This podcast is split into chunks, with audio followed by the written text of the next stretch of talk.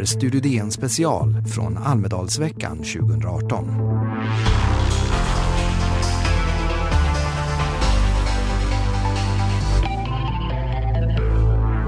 Välkomna till DN i Almedalen. Idag har vi besök av partiledaren som Håller sitt elfte tal i Almedalen är därmed den verklige veteranen i Visby.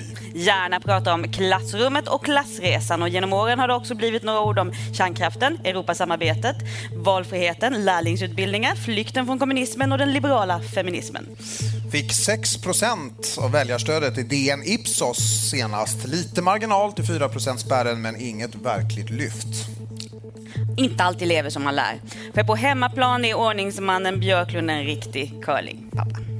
Joar Bendjelloul heter jag. Och jag heter Karin Eriksson. Välkommen Jan Björklund. Tack så mycket. Vad är det viktigaste du vill ha sagt i Almedalen detta år? Jag kommer att varna för de växande extremistiska och nationalistiska vindar som blåser över hela västvärlden egentligen, men också över Sverige inför valet i höst.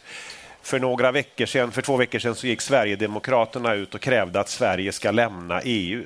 En svexit, precis som britterna gör. Så tycker ju redan Vänsterpartiet, men Sverigedemokraterna kräver att det ska ske de närmsta åren nu. De gör det till ett vallöfte. Och Sverigedemokraterna är ett av de största partierna i Sverige, kan i värsta fall bli det största partiet. Det här är ett väldigt omslag i hela vår syn på, eller på hela vår debatt om EU. In, I inget annat europeiskt land finns det ett så stort parti som driver eh, att det egna landet ska gå ur. Det här är på allvar, det är på riktigt och jag kommer att varna för detta. EU-samarbetet är viktigt, det är viktigt för Sverige och det är viktigt för Europa. Men hur, stor är, hur stort är det här problemet att, att Sverigedemokraterna vill ha en, en folkomröstning? Hur sannolikt är det? Ja, de vill, gå, de vill att Sverige ska lämna EU och Vänsterpartiet vill det också. Och om det, det ser ut som båda dessa partier har vind i segern och det betyder att det kan vara så mycket som en tredjedel av riksdagen i höst som, som tycker att Sverige ska lämna EU. Det är en helt ny situation. Det kommer att bli en helt annan debatt.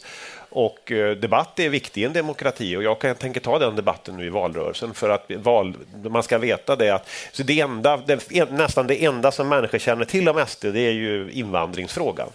Eh, men det här är ytterligare en mycket stor fråga som måste belysas. Det är, ett, eh, det är rätt allvarligt. För Sverige skulle det vara en det skulle vara närmast ansvarslöst att lämna EU. Det är, huvuddelen av vår handel sker med EU och, och vår jobb och våra, välfärd, våra jobb och vår välfärd bygger på den handeln. Och hela vårt politiska inflytande i Europa och, och i omvärlden sker ju genom EU. Att isolera sig är verkligen fel väg att gå. Du har ju, som vi nämnde tidigare, varit rätt många gånger här i Almedalen och ofta pratat om Europasamarbetet, inte minst efter Brexit och nästan hela talet handlade om mm. Europa. Men du har också talat mycket om att detta Europa, ditt Europa som bygger broar nu för tiden, inte murar. Men om vi ser till migrationspolitiken, vad skulle du säga att Europa gör idag? Ja, det har ju varit ett misslyckande migrationspolitik. När det kom Framförallt då blev det ju tydligt 2015 när det kom så många flyktingar på grund av sammanbrottet i Mellanöstern. Och eh, vi måste ha en gemensam asylpolitik i Europa. Den bygger på ett par eh, komponenter. Eh, det första är att vi ska ha, när det kommer många så måste vi ha tankar om hur de fördelas över Europa så inte bara några få länder, senast då Sverige bland annat, tar hela ansvaret. Det andra är ju att människor drunknar oavbrutet av de här flyktingsmugglarnas verksamhet i Medelhavet. Det är fruktansvärda humanistiska tragedier så vi måste få så att säga, en, både en trygghet och ja, det är också en, en gränskontroll men också en sjöräddning som fungerar i Medelhavet och då krävs det också samarbete med Eh, Nordafrika och, och, även om några stater där gillar vi inte hur de fungerar så är det ändå så det handlar om att rädda människoliv. Du säger vi måste, men hittills har det ju inte hänt. Som liberal, hur, hur desillusionerad är du med EU i denna fråga? Det står och väger ska jag säga för att det, det görs ju stora ansträngningar för att komma överens och samtidigt så är det just de här nationalistiska vindarna som stoppar detta. Det är, det är, så EU, jag säger det är ett vägval och det är inte bara migrationen utan det är ett vägval vår världsdel står inför. Europa har de senaste åtminstone 30 åren och Västeuropa ännu längre har ju byggt på en slags liberal ordning med eh, demokrati, individuell frihet, solidaritet, rättssamhälle, marknadsekonomi. Men plötsligt så håller ju vindarna på att vända. Det är de nationalistiska vindarna som nu blåser. Att varje land ska sköta sig själv, vi ska samarbeta mindre, man ska gå ur samarbetet. Och nationalismen har prövats förr i Europa och den har ju slutat i katastrofer varje gång. Även om den inte börjar så, så slutar det alltid så. Och det är det som är så farligt. Alltså den här tidsperioden sen Berlinmurens fall, om man vill, på 30 år. Det har ju det varit den mest framgångsrika perioden eh, i Europas historia och den fredligaste och så. Och det där äventyras nu. Det låter som du vidgår att, att EU eh, ändå det är ett lite sämre EU idag än det som... Ja, det är det, men vi har inget alternativ till samarbetet. Att, att, alltså, de här krafterna finns i land efter land. Det är ju Sverigedemokraterna i Sverige framför allt som, som står för detta och som ju, allt att döma är på frammarsch i, i mätningar och så. Och, och, och, och, i andra länder är det den typen av partier. Och det, det, är väldigt oroande. Alltså om, om varje land ska börja mer och mer se till bara sina egna intressen och strunta i grannarna, eh, då får vi ett helt annat Europa. Det har prövats förr och det har blivit slutat i katastrof. En av de där individuella rättigheterna du talar om är asylrätten. Ska Sverige värna den? Ja. Din företrädare Lars Leijonborg har kallat det för, i en DN-intervju och också i sin självbiografi, för ett enormt hyckleri att säga att man värnar asylrätten om man samtidigt gör allt man kan för att människor inte ska kunna få, kunna få möjlighet att ta sig till gränsen för att söka asyl.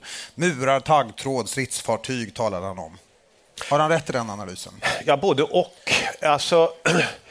det är ju därför, det är därför jag säger så här, det, människor kommer från Mellanöstern och, och, och Afrika och, och, vill till Europa. Och då är min uppfattning att de som har asylskäl, de ska vi hjälpa. Sen kommer det också oerhört många andra, inte minst från Nordaf ja, olika afrikanska länder som inte alls har asylskäl utan de vill ha en bättre framtid. Och det, är ju ett, det förstår man ju det, drivkraften också. Men vi måste fokusera på de som faktiskt har asylskäl. Och då är det klart, det samarbete som nu ändå eh, aviseras mellan EU och Nordafrika innebär ju att man kan få asylen prövad i Nordafrika på plats och i så fall komma säkert till Europa istället för att betala flyktingsmugglare livsfarliga båtar i Medelhavet. Så det är väl ett litet steg framåt. Men, men jag håller ju med om att det, jag vi är ju inte nöjda med hur det fungerar. Det här. Men det, ja, min poäng alltså, frågan är, bara, är om det finns det en dubbelmoral i att tala om att vi värnar asylrätten om man samtidigt gör det svårt att nå fram till gränsen för att ja, det som gör det svårt är ju, Det som gör det svårt är ju att Medelhavet ligger där det ligger. Det är det som gör det så svårt. Och då är det klart att om man kan söka asyl eh, i Tunisien eller vad det nu kan handla om eh, på någon EU institution eller motsvarande och har man asylskäl så kan man då få komma till ett europeiskt land som fördelas efter någon kvotsystem. Så, så är det ju ett säkrare system. Då tycker jag att det fungerar i alla fall bättre än vad det gör idag. Mm, men ska man behålla den absoluta rätten att söka asyl när man anländer till ett lands gräns? Ja. Mm. Men. Så kommer det in någon i Sverige och söker. Men det är ju väldigt, det är ju väldigt, eh, det, det, förekommer väl om man kommer med något flygplan eller något, men det är ju väldigt sällsynt som en flykting kommer till Europa och först dimper ner i Sverige. Vi ligger så långt ifrån Afrika och, och eh, Mellanöstern. Vi ska ägna några minuter åt den här frågan som eh, pressat Alliansen de senaste dagarna om hur det ska gå till med ordförandeplatserna i utskotten och vad Sverigedemokraterna ska kunna få. Vi har sagt att vi kanske får vargranska det här som man gör i fotbollsmatcher. Vi ville så gärna göra den här charaden någon gång under de här utfrågningarna, den här fyrkanten här... i luften. Ja, vi går tillbaka och kollar. Vad var det som hände? Eh, ja, alltså så här. Jag ska börja med att säga att, att debatten har blivit så stor har ju naturligtvis eh, den bakgrunden att många försöker läsa in något större än bara utskottsplatser, nämligen regeringsfrågan och SDs roll i detta. Och då vill jag vara väldigt tydlig att det är två helt olika frågor. Liberalerna kommer inte att samarbeta med Sverigedemokraterna. Vi vill ha en alliansregering från Liberalernas sida, men vi kommer inte att sitta i en regering som förhandlar eller samarbetar med Sverigedemokraterna. Så det har inte med det att göra. Eh, den diskussion som har förts är ju att, att eh, att eh, eh, om man har 15 procent av rösterna till exempel Eh, så är det inte orimligt att man då, även om vi ogillar ett parti som har 15 procent av rösterna, så har de då fått 15 procent och bör då i riksdagen kunna få 15 procent av, av uppdragen. Eh, ungefär. Det är så, och så har funkar det. Så vänster, när Vänsterpartiet gjorde bra valresultat här, då medverkade vi i Alliansen till att Vänsterpartiet fick presidieposter. Vi avskyr ju Vänsterpartiets idéer och så, men det så jag är, till skillnad från en del sverigedemokrater så är jag demokrat. Jag tycker att det, det ska ändå få genomslag i riksdagen. Så det var ju det, det var den principen vi talade om, att, att man fördelar mot valresultatet. Och gör SD ett bra val, så ja, precis som Vänsterpartiet, då, så kan de få sådana här poster. Det, detta sker då, men då, och det enades vi om inom Alliansen, att det är en princip. Då, då är det så här att de här posterna fördelas ju efter en förhandling mellan de båda regeringsalternativen veckan efter valet i princip förhandlas detta.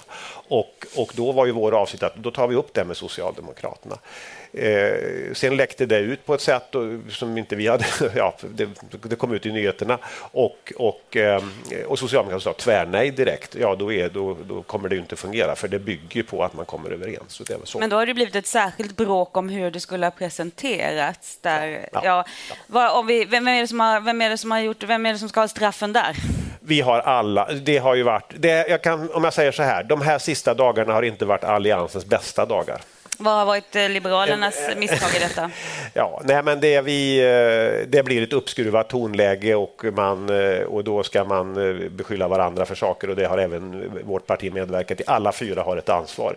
Vi, vad, var det vi, som, som, du skulle gärna skulle nu har, ja. Du blir kvar med den här frågan när ja. svarat på men så här, vi, vi, ja. Eh, ja. men det första så presenterade, när det kom ut så kom det ut på ett helt felaktigt sätt, för det kom ut som om vi skulle medverka till att samarbeta med Sverigedemokraterna. Och det var ju inte frågan om det, det var en överläggning med Socialdemokraterna om principer. Och, men det, att det kom ut på det sättet gjorde ju att det omedelbart såklart blev en jättedebatt, för det uppfattades som en del i frågan om, om hur regeringen ska bildas och därmed så, ja. Men är det inte då, alltså, du försöker delvis göra det till en teknisk fråga här, men blottlägger det inte någonting faktiskt politiskt viktigt här, att det finns olika synpunkter inom Alliansen hur man ska förhålla sig till Sverigedemokraterna? Jag ska bara säga, det, som jag sa, det är två olika frågor. Så att det här utskotts, det vi nu diskuterade, det hade inte med samarbete med Sverigedemokraterna att göra. Men blottlägger men, inte den men, frågan ja, just den skillnaden? Just, precis, det är precis Den andra frågan, nämligen om regeringsfrågan, den är ju på riktigt.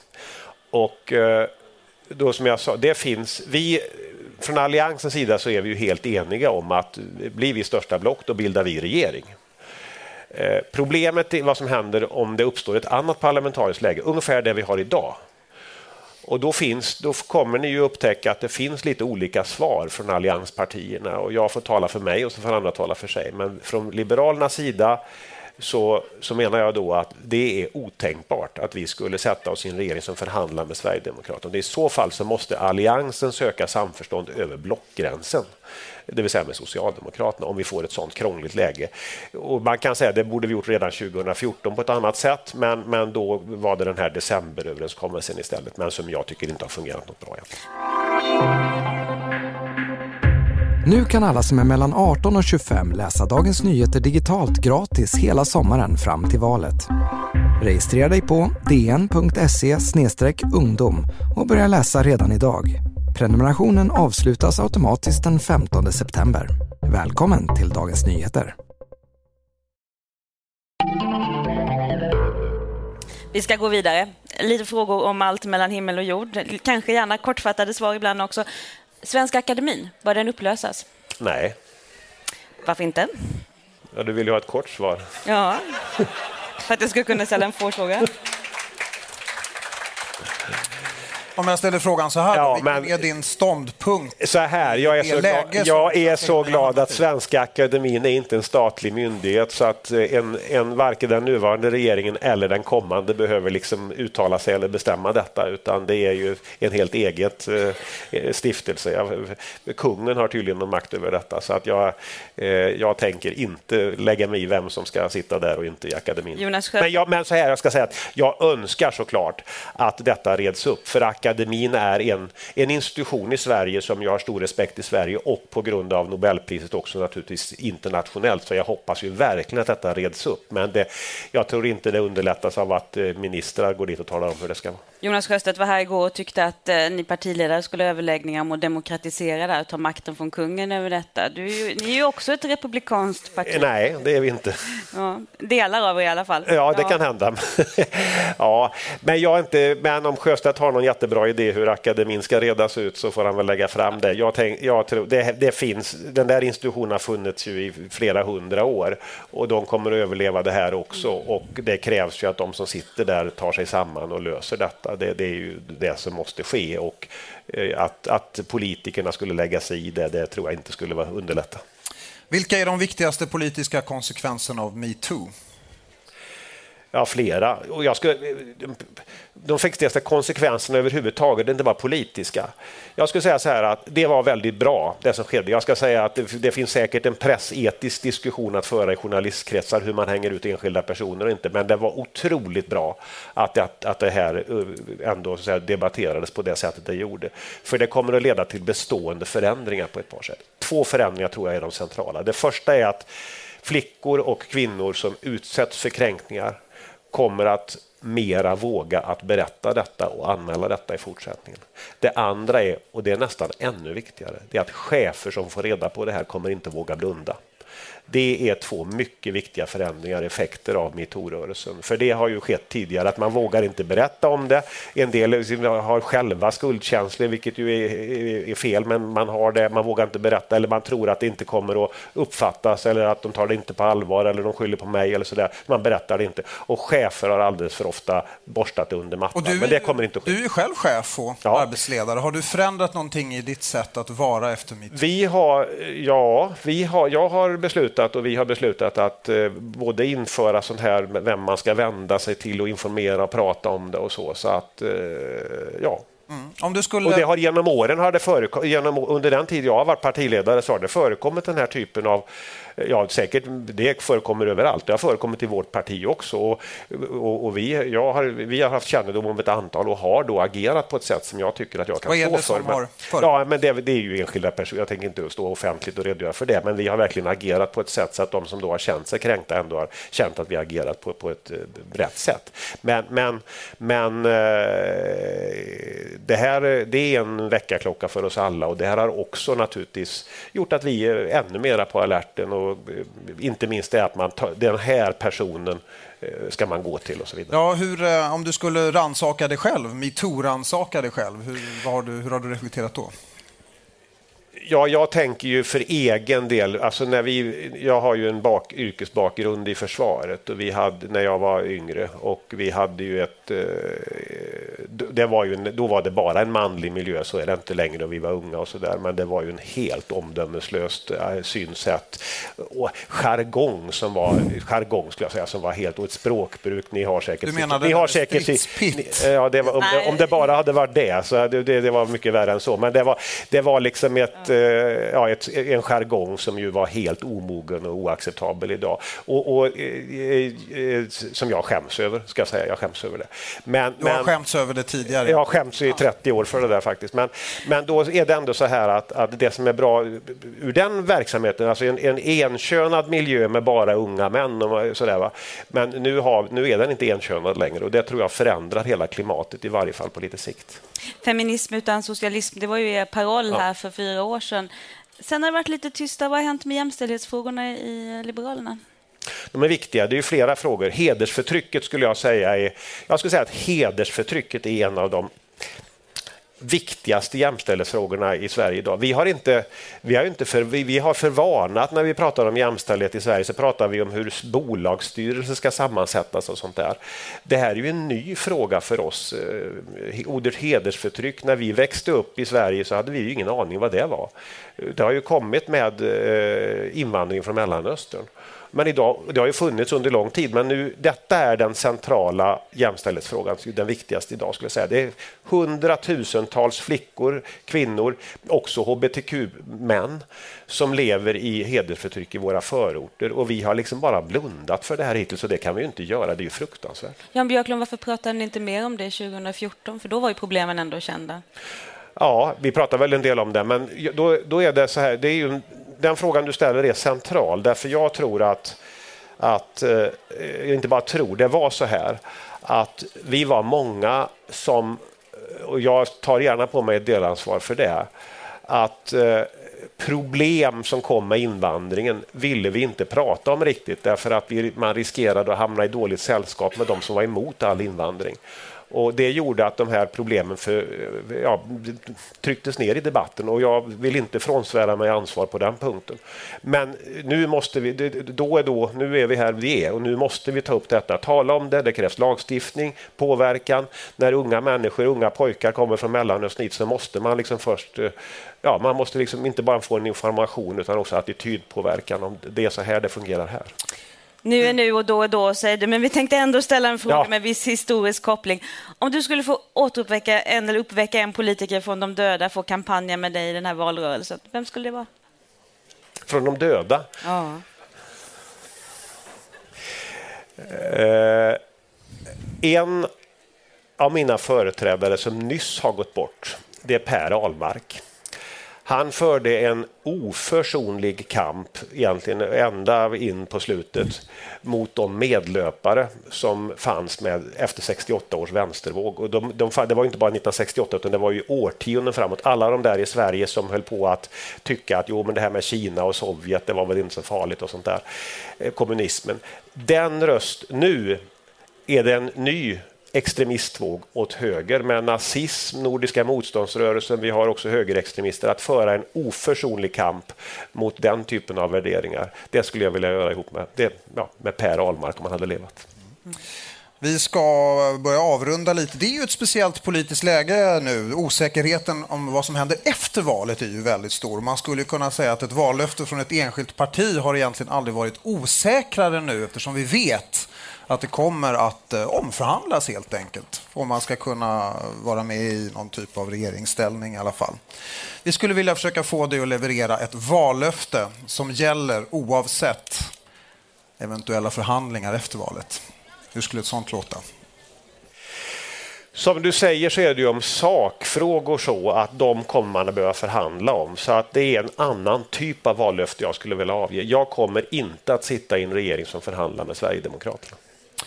Om vi skulle tänker att det här ändå är viktigt så att det inte blir för mycket av ett grisen i säcken-val för väljarna. Skulle vilja insistera på att du är lite mer konkret. Det är väl ganska konkret. Ja, men kring, eh, kring någonting annat som är... Jaha, okej, okay, okej. Okay, ja. ja, som jag vill. Oh, men så här. Vi, aj, ni vet vad jag tycker om skolan, ni vet vad jag tycker om Europasamarbetet, ni vet vad jag tycker om marginalskatter. Jag kommer att göra allt vad jag kan för att driva igen detta, men det går ju inte att stå och säga så här, jag har 5 procent, eller 6 hade jag tydligen i Dagens Nyheter, här, 6 procent av väljarkåren bakom mig, jag vill ha lite fler. Sannolikheten att jag får 50 procenten kanske, den finns, men den är inte gigantisk. Och, och det gör att stå och säga att det här lovar jag att genomföra till varje pris, det går ju inte, utan det är ju förhandlingar med andra. Men ska jag ändå sätta en prioriteringsordning, då är det ju så att förutom det här med EU vi pratar om, så är det ju skolan är Sveriges viktigaste framtidsinstitution. Ska, ska, det är våra barn och ungdomar och Sveriges framtid det handlar om. Vi, det är 17,5 procent av ungdomarna som nu går ur nian med underkända resultat. Det har aldrig varit fler som går ut underkänt än idag. Och de får, kommer inte in på gymnasiet, de får svårt att få jobb och hamna utanför. Vi måste lyfta skolresultaten. Hög, tydliga kunskapskrav, mer ordning och reda, högre lärarlöner för att få skickliga lärare och så vidare betyg från fyra. Så det är där du tänker lägga din förhandlingskraft? Det är en mycket viktig fråga. Det är lite speciella omständigheter när du kliver upp på scenen. Hur påverkas eh, ditt tal av resultatet i matchen i eftermiddag? Det kommer ju vara en segerkänsla i båda sammanhang. Ska vi anta att det är lite partikamrater här i tältet? Eller men allvarligt talat, har du skissat på, för jag tänker stämningen i publiken kommer ju vara helt olika jämfört med om Sverige har vunnit eller förlorat. Har du två versioner av ditt tal? Jag skissar aldrig på någon förlustvariant. du, eh, en sån här eh, lycklig VM-sommar. Men det finns, en, så, jag ska bara säga, ja. det finns en liten aspekt där. Det är alltså att match, matcherna i det här skedet av VM får ju inte sluta oavgjort. Och Det gör då att det kan då bli förlängningar och förlängningar och straffläggningar och sånt där. Och då inställer sig frågan, antag att det pågår straffläggning klockan 19 så att säga. Ska vi börja talet eller inte då så att säga? Och då kan jag säga att då kommer ingen publik, men jag kan säga att jag kommer inte heller vara där.